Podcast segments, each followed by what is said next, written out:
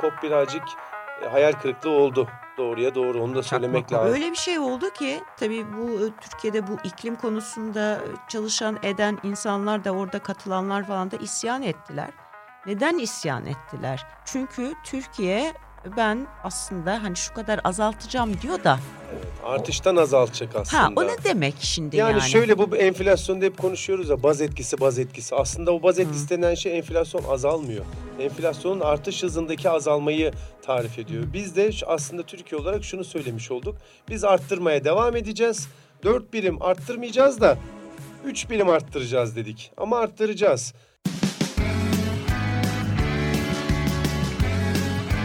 Oku, dinle, izle. Kısa Dalga. Herkese merhaba. Yeni bir Yeşil Dalga podcastinde ben Mehve Şevin. Ben Ferdi Akarsu. Yine birlikteyiz. Ee, kısa dalga.net'te e, bizi takip edebilirsiniz. Her hafta bu yayınları yapıyoruz.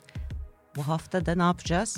Tabii ki herkesin çok konuştuğu, e, aslında biraz da beklemek istedik biz. Tam sıcağı sıcağına değil, bu iklim, uluslararası iklim paneli e, COP 27 diye, 27.si olduğu için COP 27 diye kısaltılıyor. Mısır'da Şarm El Şeyh'te yapıldı. Türkiye'de katıldı. Aslında 200'den 200 kadar devlet Evet. katıldı. Ee, bunu konuşacağız. Daha doğrusu orada çok fazla detay var ama çıktıları nedir, tartışmalar neydi, ne anlama geliyor? Çünkü daha en başından itibaren tıpkı aslında bu Katar'ın e, Dünya Kupası'nı e, parasıyla satın konu. alması e, ve hani onun arkasındaki hikayelerde olduğu gibi e, Mısır'ın da hem bir polis devleti olması, e, çok önemli aktivistlerin, çok önemli derken bir, bir tanesinin özellikle çok ismi ortaya çıkıyor çünkü açlık grevi e, yapıyordu. Tam da bu e, iklim zirvesi sırasında. E, onun şahsında birazcık daha konuşuldu ama gerçekten de insanların protesto yapamadığı bir ülke ki bütün bu uluslararası iklim panellerinde genelde mutlaka sivil toplumun o ülkeden ya da dışarıdan gelenlerin yani bu konferans alanlarının dışında yaptığı e, protestolara da sahne olur. Tabii. Mısır'da bunu pek göremedik. Niye acaba? Niye acaba? Niye acaba? Ee, Sayın Sisi size sesleniyoruz. Ee, bu yönüyle de çok tartışıldı Evet. tabii ki. Çok sıkıntılı. Değil mi Ferdi? Evet, Sen Mune perhiz, mune lahana turşusu tam da öyle. gibi oluyor. Evet tabii yapılması Mısır'da olması bir ölçüde güzel. Hani hep gelişmiş ülkelerde işte hani falan oluyor deniyordu. Hani Orta Doğu'ya da e, gidiyor olması güzel ama yani bir buruk oluyor içimiz. O da doğru yani şimdi hani Evet. Mısır'ın da biliyoruz yani. Bir de tabii. Ee, şöyle de bir şey var. Böyle kötü kısımlarından başlıyoruz ama yani esas olarak e, domine eden aslında buydu. E, iyi taraflarından da bahsedeceğiz elbette. Evet. Birincisi Coca-Cola'nın sponsorluğunda olması. Yani Coca-Cola zaten plastik kirlilikten sorumlu, dünyadaki plastik kirlilikler kirlilikten sorumlu bir numaralı şirket Bir zannedersem. Tekel, Yani o- tatlı su kullanımı ve tatlı su kullanımı için e, elde edilen dünyanın Doğal dört bir yerindeki doğal kaynak kullanımı falan. O açıdan da çok problemli. Bir başka problem daha var. Ee, o da fosil yakıt endüstrisinin yani petrol ve gaz lobisinin geçen yıla göre, geçen yıl Glasgow'da yapılmıştı. Yüzde 25 daha fazla bu alanda yer alması ve lobi yapması. Tabii delege sayısı senin bahsettiğin ülke delegelerinden bazı şeylerinde oturumlarda daha fazlaydı. Yani bakınca hani böyle Tabii bir Afrikalı ülkeler Evet. falan böyle E, e, tabii zaten canım. daha az sayıda insan katıldı ki halbuki en çok e, asıl iklim onlar yani. tabii. konusunda konuşması gereken, e, temsil edilmesi gereken oydu. Böyle Mahalle kavgası gibi beni hatırlattı biliyor musun? Eskiden öyle olurdu. evet. Bilmiyorum hani bilenler bilirler böyle bir kavga olduğu zaman hemen böyle bir toplaşıp gruplar böyle 10-20 kişi falan böyle bir kim daha kalabalık geldiyse o Hmm. üstünlük sağlar gibi olurdu. Birazcık bu petrol lobisinin orada daha büyük bir temsiliyetle hani var olması birazcık yine bir soru işareti yani öyle söyleyelim en Tabii. hafif tabirle.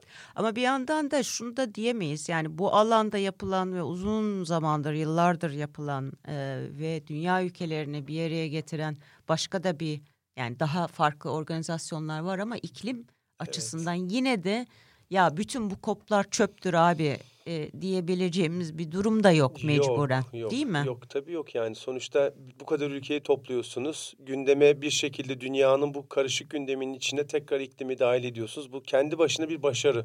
Ama evet gönül hep istiyor dahası dahası şöyle de olsası hep var.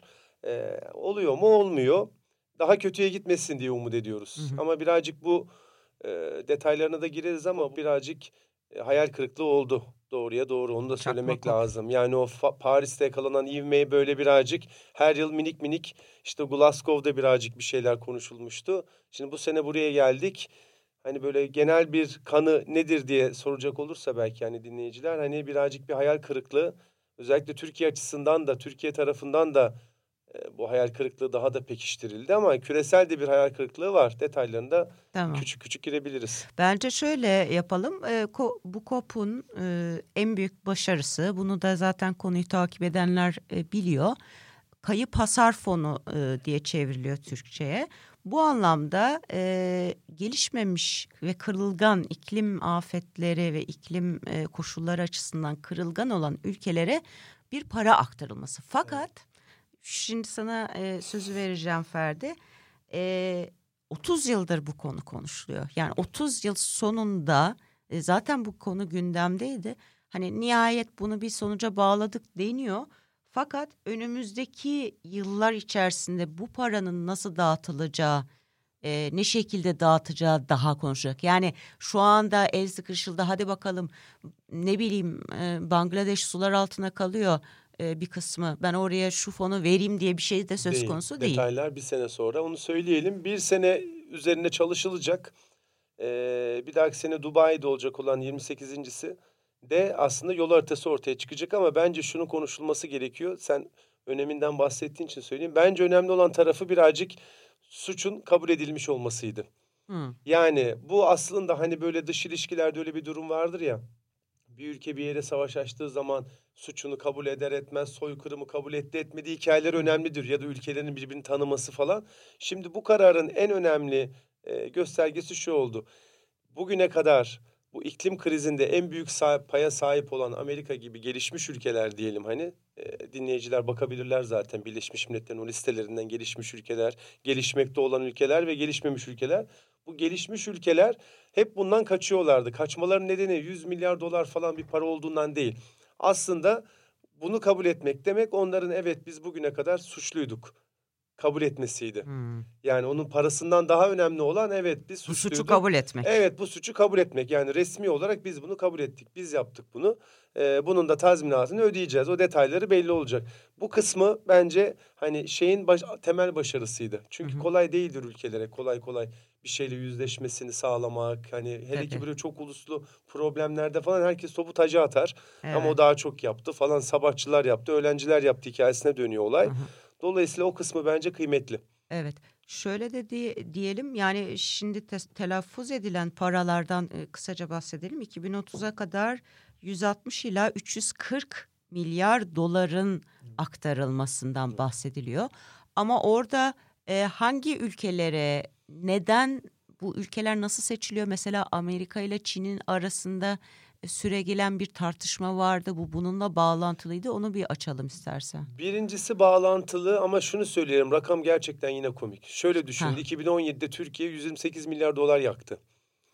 Şimdi bakın demin Mehveş'in söylediği rakamlar bunun yaklaşık iki katı. Koskoca dünya diyoruz yani trilyon dolarlar yani Amerika şu belki son 10 yılda 3-4 trilyon dolar bastı sadece dünyaya verdi. Trilyon dolar diyorum ki şu anda zikredilen milyar dolarlar o Tabii. da işte 250 falan vesaire. Birincisi bu çok komik ama evet dediğim gibi sembolik tarafı var. İkincisi tartışma boyutu şu.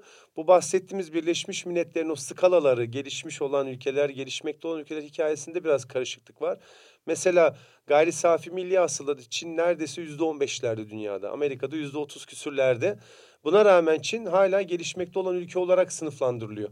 Ve dolayısıyla e, hani tazminat alacak ülkelerden belli oranda biri gibi görünüyor ama bakınca en büyük sorunlardan biri de şu anda o hani. Dolayısıyla bununla ilgili de tartışmalar yürüdü ve sonuçta Amerika ile Çin bu konuda böyle bir işbirliği yapacaklarını beyan ettiler vesaire. Öyle bir güzel çıktısı oldu ama bu bize şunu gösterdi. Bu konu daha çok su götürecek. Evet. Yani işin içinde para varsa Tabii. ee, bir, bir belli bir ortalık yine bir karışacak. Zaten bir yılda daha Dubai'ye kadar bu detaylar belli olacak falan. Hani bir topa bence birazcık taca attık belli konularda. Belli konularda ilerlemeler var diyebiliriz ama yine de. I see. Oh, you can see. I see. Oh, you can see.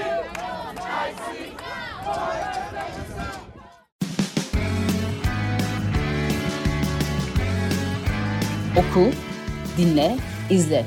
Kısa Dalga. Aslında Türkiye açısından da e, Türkiye'de bu iklim zirvelerine katılıyor e, ve tekrarlamakta fayda var. Daha geçen sene mecliste Paris İklim Anlaşması onaylandı. E, Türkiye'nin de bir işte ulusal mutabakat beyanı vermesi var e, bekleniyordu ki onu verdi. Tam da bu demin Çin örneğini verdin e, Ferdi. Ama Türkiye'de gelişmemiş ülke olarak Gelişmek. e, gelişmekte olan bir ülke e, sayıldığı için Türkiye'de de şöyle bir mantık var. Bu kaç senedir de zaten konuşuyor. Ya arkadaşlar siz bunca zaman e, kirlettiniz, ettiniz ortalığın Böyle canına geliştiniz. okudunuz. Böyle para kazandınız ve sıra bana geldi e, havası.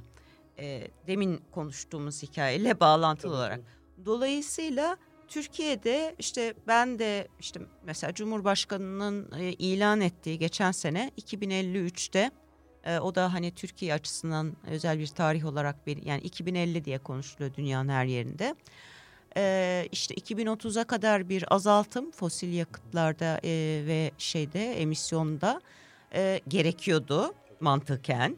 E, ve iki 2050'lerde Hedefi sıfır karbonu yakalayabilirsin. Şimdi öyle bir şey oldu ki e, tabii bu e, Türkiye'de bu iklim konusunda çalışan eden insanlar da orada katılanlar falan da isyan ettiler.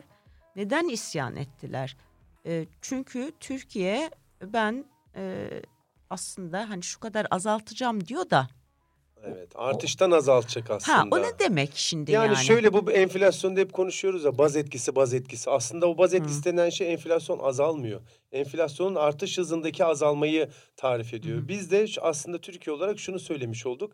Biz arttırmaya devam edeceğiz. Dört birim arttırmayacağız da üç birim arttıracağız dedik. Ama arttıracağız. Kö- bir bu boyutu var. Hani böyle bir beyanla ortaya çıkılması. İkinci boyutu da senin söylediğin boyutu. Yani zaten bu matematikle 2050 hedefine ulaşmak zaten biraz hayal gibi. Yani onun birazcık beyanı gibi oldu.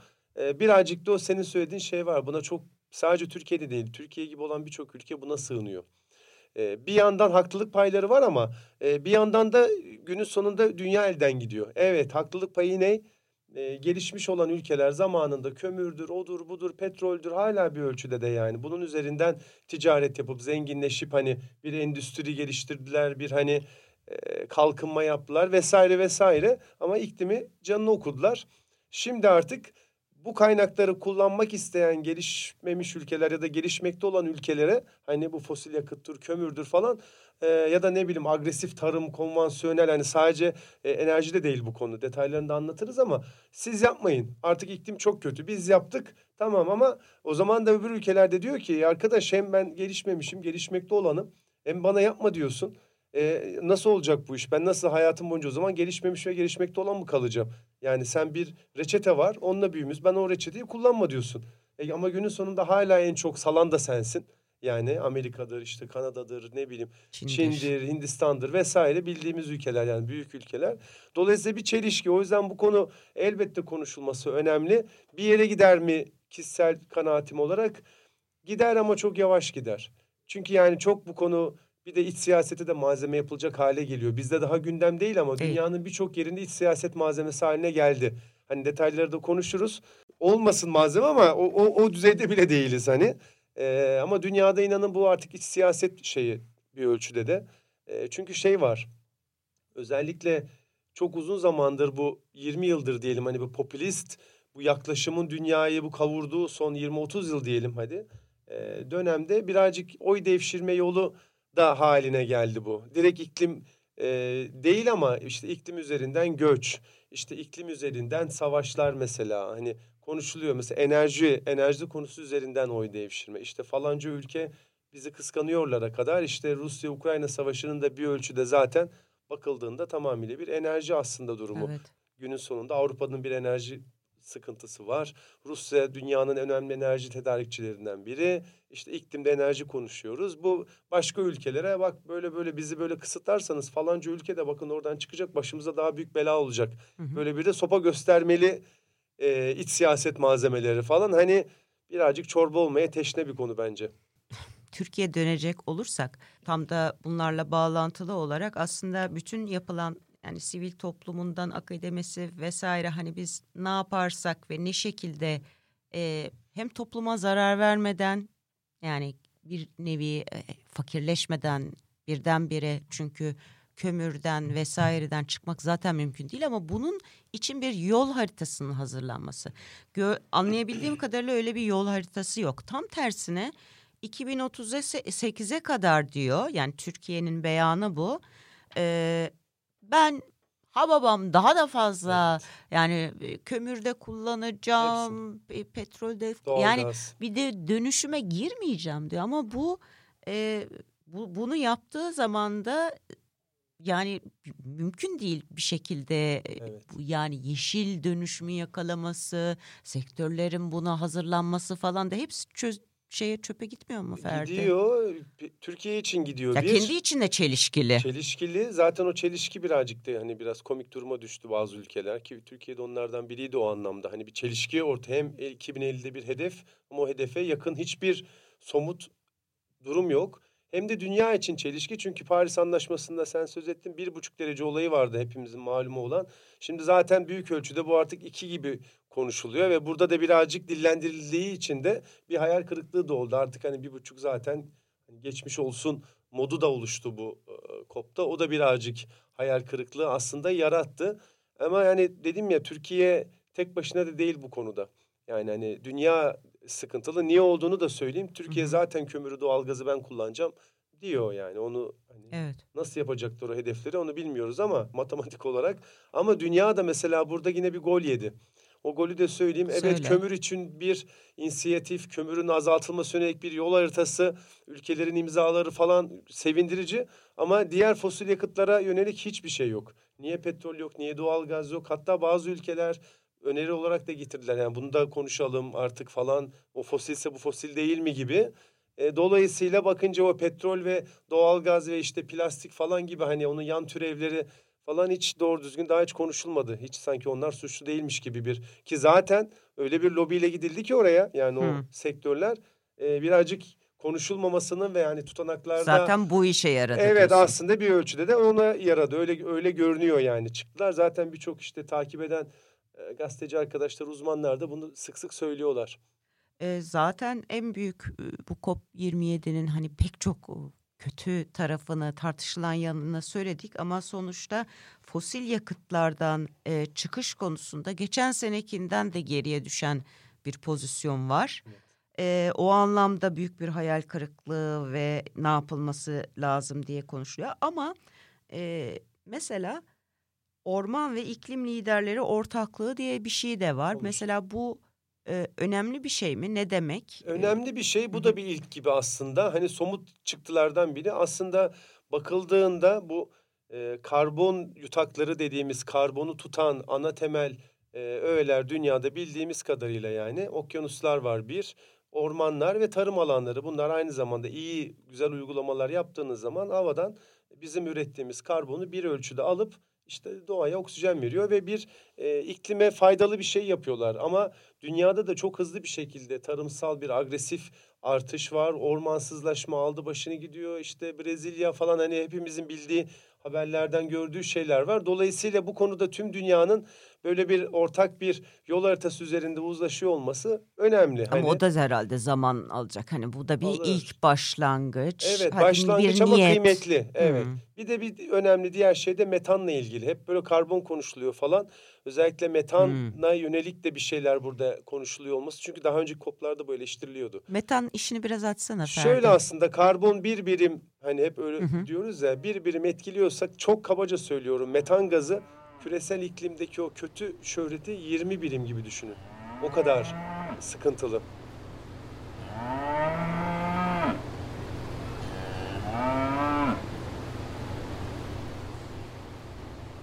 Metan gazı ner- nereden? Daha büyük çok baş hayvancılık. Ama şey endüstriyel. Endüstri- konvansiyonel ve endüstriyel Ha. aynen büyük ölçekli büyük baş hayvancılık e, bu konuda. Mesela Yeni Zelanda bu konuda çok sabıkalı yerlerden biri. Arjantin. Sonuçta bu hayvanlar devamlı bir e, sindirim sonucu. Bu metanı üretiyorlar. Dışkıları bu metanı üretiyor. E, gelişmemiş ülkelerdeki özellikle e, vahşi depolama çöp depolama tesisleri hepimizin bildiği eski hani çöplük patladı çöplük yanıyor falan. O metan gazı üretiyor. E, çok sevilen e, dünyada enerji üretimi için sürdürülebilir olduğu iddia edilen tırnak işareti yapıyorum arkadaşlar burada hiçbiri doğru değil. E, barajların e, tamamıyla o şeyi baraj gölleri metan gaz üretiyor bir süre sonra. Çünkü o çökelti birikiyor altında. Ha, Tabii Mesela bilmiyordum bunu. Tabii Ha. o önemli bir metan gazı kaynağıdır yine. E, dolayısıyla hani birazcık organik maddelerin çürümesiyle oluşan diyelim kabaca. Hı hı, Başka hı yolları da var ama bir gaz türü ve sabıkalı. Yani bu iklim konusunda karbon sabıkalıysa metan onun abisi diyelim hani babası atası falan gibi yani. O yüzden konuşuluyor olması metana yönelik de bir şeylerin tartışılması e, bu şeyin iyi olan taraflarından biri. Bir de metan gazından bir enerji üretme e, Var. gibi bir e, var var. bir takım projeler vesaireler Türkiye'de de bile vardı Var. Kastamonu'da işte Hı. hani böyle özellikle inek hayvancılık yapılan e, yerlerde entegre bir enerji e, üretim sistemi kuruluyor. Dolayısıyla işte hayvanın dışkısından vesaire metan üretilip belli oranda elektrik üretiliyor. Bu özellikle Almanya'da, Kuzey Avrupa'da çok yaygın olan bir şey. Türkiye'de de bir iki uygulaması vardı. E, çok ultra yaygınlaşamadı. E, hani çünkü birazcık yatırım maliyeti var. Ondan sonra biraz sürdürülebilirlik gerekiyor. Bizde o çok kolay değil. İşte mesela biliyorsunuz büyükbaş hayvanların birçoğu e, bizde işte yem, katkı maddesi falan gibi nedenlerden dolayı, girdi maliyetinden dolayı kesildi. Şu anda biraz etlerin ve sütün e, özellikle sütün çok pahalı olması nedenlerden biri birçok hayvanın süt hayvanının aslında et için kesilmişi gibi. Hani istikrarlı bir e, büyükbaş üreticisi de değiliz biz. Duruma göre Duruma göre. değiştiriyoruz. O da bu işi etkiliyor. Sonuçta sizin bir kurulu sistem orada yapıyorsunuz ve hep aynı miktarda, belli miktarda bir oraya sağlamanız lazım ki metan üretip elektrik üretin. Ancak hani büyük böyle daha e, sistemli yerlerde yapılabilecek bir şey. Yapılsa güzel. Var zaten uygulamalar ama yani güzel. İngilizce'deki nice try denir. Hani böyle iyi deneme falan. Öyle bir şey tatlış. Biz örneklerde verdiğimiz bir şey olarak kaldı hani. Ama yapılırsa, yaygınlaşırsa güzel olur. Hani kötülemekte e, çok şey değil ama genel olarak şunu söylemek lazım bu konuda. E, bu büyükbaş hayvancılık gibi konvansiyonel e, hayvancılık metodları ne yazık ki zaten iklimde en sıkıntılı şeylerden biri. Yani su tüketimi ayrı bir olay. E, bunlar için onları beslemek için dünya kadar özellikle GDO'lu işte ürünler üretmek, onlar için dünya kadar alanı tarıma açmak, o tarım alanlarını o toprağın canına okumak. Hani bunlar böyle bir, Bir de tabii hayvanlara işkence boyutu var. Bir de o var, tecavüz boyutu var bence onların döllenmesi. işte hep belgesellerden görüyorsunuz. Dolayısıyla hani onun hayvanın e, dışkısından elektrik üretip de green wash yapacak kadar bile bir durumu yok aslında ama hani bilelim yine de kötünün iyisi yapılsın madem o diyoruz. Yoksa hani çok sevdiğimizden, e, çok önerdiğimizden değil. Çünkü daha güzel yeşil metodlar var. The climate clock is ticking and trust keeps eroding. The parties at COP27 have a chance to make a difference here and now, and I urge them to act and act. Bence bu hayvancılık hatta veganlık ve e, iklim ve çevre konularına da bir başka programda gireriz. Evet. Ama Ee, bu Şarm yapılan, Mısır'da yapılan son e, COP'la ilgili belki son birkaç notumuz varsa iletelim. Hani bizim bilmemiz gereken nedir? Bundan sonrası için, şimdi için diye kapatabiliriz Tamam. belki. Yani şu var. Birincisi genel algı biraz hayal kırıklığı. Onu Hı hı. söyleyelim. Hani nedenlerini de açıkladık. Evet. İyi olan şeyleri oldu. Masada kalmak her zaman değerli, önemli. Senin söylediğin gibi alternatifi de yok zaten şu anda. Hani o anlamda hakkını verelim. Ama e, özellikle Guterres'in açıklamaları var. Mutlaka dinleyenler okusun. E, yani hiç ödev yapmadık. Ödevleri yapmadığımız gibi bu COP27'de Adam daha felaket. çok ödev, kendimize ödev verdik Ad- ama Tabii. eski ödevleri yapmadık ki bunu nasıl yapalım Ma- geldi de muhabbet birazcık. O yüzden e, öyle bir durum var ama masada kalmak önemli, çalışmak önemli. Dubai'yi bekliyor olacağız. Sanırım Dubai de ayrıca bir soru yani, Evet. Dubai'de bir yani fosil e, Evet. yakıt e, ve fosil lobisi e, anlamında da herhalde Petrolle zenginleşen yani. yani orada bakalım neler yaşanacak. Vallahi neyse. biraz ilginç olacak o da. Bence de. Hatta bazıları, bazı aktivistler Naomi Klein falan şimdiden e, ya bir sonraki kopu e, şey yapalım. e, protesto Evet. edelim, gitmeyelim. Arkadaşlar bu saçmalığa dönüştü artık falan gibi de bir şey yükselmeye başladı bir yandan. Öyle bir şey olursa aslında çok büyük bir kayıp olur. Çünkü oraya katılan e, işte sivil toplum ve sivil toplum derken sadece uluslararası ölçekteki e, havalı e, ya da bazı şirketlerle işbirliklerini yapan değil, yerelden e, katılımlar, e, yerelde dertleri olan ve orada bir şekilde derdini seslendirebilen gruplar ve halklar açısından önemli. E, bir de belki şöyle bitirebiliriz. COP26'da e, bu COP27 yani bu son COP için yapılmamış ama konuşanların %74'ü erkekmiş. Hı hı. Ee, Mısır'da herhalde daha da yüksekti bu lobiyle birlikte onu Bence göreceğiz. Eğer Aynı parayla şekilde- tutmadılarsa dışarıdan bu şeyin Tabii. yaptığı gibi Dünya Kupası'nda taraftar satın alma olayı Ha. var ya onun gibi bir şey İş ona değilse. dönüyor ya Evet. tam bir rezalet. Ee, ve tabii ki yerel hakların ki yerel hakların korunması vesaire bütün bu iklim tartışmalarının da e, BM de bunu dile getiriyor. Onun da göbeğinde çünkü hani yerel hakları koruyamazsan zaten o ekosistemleri de e, koruyamıyorsun. Fakat bu yerel hakların da temsilinin giderek e, azaldığını, Azaldı. dil sorununun e, de bir problem olduğu da Konuşuldu bu da orada. konuşuldu. Böyle diyelim ve Diyelim evet yani umudumuz bir dahaki sene diyelim. Ne kadar umudumuz kaldıysa diyelim ayrıca. Teşekkür ederiz öyle söyleyelim. evet Büyüklerimize. teşekkürler büyüklerimize. E, geleceği düşünemeyenlere teşekkür etmiyoruz ama. Evet ben yine bir tırnak işareti yaptım ama Sen siz görmediniz Evet değil. evet. evet şimdilik bu kadar o zaman. Yeşil dalgayı yakalayın deyip hoşçakalın diyoruz. Hoşçakalın.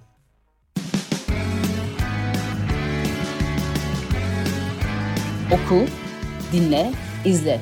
Kısa Dalga.